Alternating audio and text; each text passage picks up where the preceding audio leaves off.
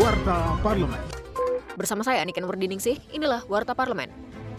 Dalam kunjungan tim pengawas pelaksanaan ibadah haji DPR ke Gloria Hotel Al Fairos Al Masi di Madinah, Arab Saudi baru-baru ini, Ketua Komisi 8 DPR RI, Ashabul Kahfi, meminta agar penginapan untuk para jemaah haji Indonesia maksimal untuk tiga orang per kamar. Pasalnya tim was pelaksanaan ibadah haji DPR menemukan ada kamar yang isinya untuk lima orang. Menurutnya hal ini akan membuat jamaah tidak nyaman, apalagi hanya tersedia satu kamar mandi di tiap kamar. Warta Parlemen. Ketua Komisi 5 DPR RI, Lasarus, mengatakan Komisi 5 akan memanggil pemerintah terkait rencana penggunaan tenaga asing sebagai pengawas proyek untuk mengawal proses pembangunan IKN Nusantara.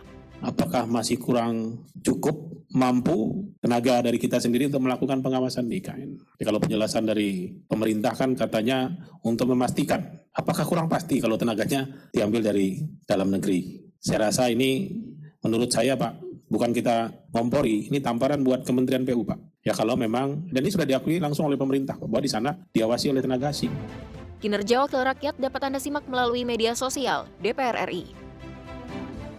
Wakil Ketua Komisi 9 DPR RI, Emmanuel Melkiades Lakalena, mengatakan peningkatan layanan di daerah terpencil, tertinggal, perbatasan, dan kepulauan, serta bagi masyarakat rentan, merupakan substansi yang mendukung penyelenggaraan transformasi kesehatan dalam rancangan undang-undang tentang kesehatan. Selain itu, transparansi dalam proses registrasi dan perizinan, serta perbaikan dalam penyediaan tenaga medis dan tenaga kesehatan WNI lulusan luar negeri melalui uji kompetensi yang transparan juga diatur dalam rancangan undang-undang ini.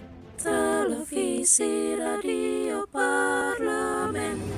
Demikian Warta Parlemen, Produksi Televisi dan Radio Parlemen, Biro Pemberitaan Parlemen, Setjen DPR RI.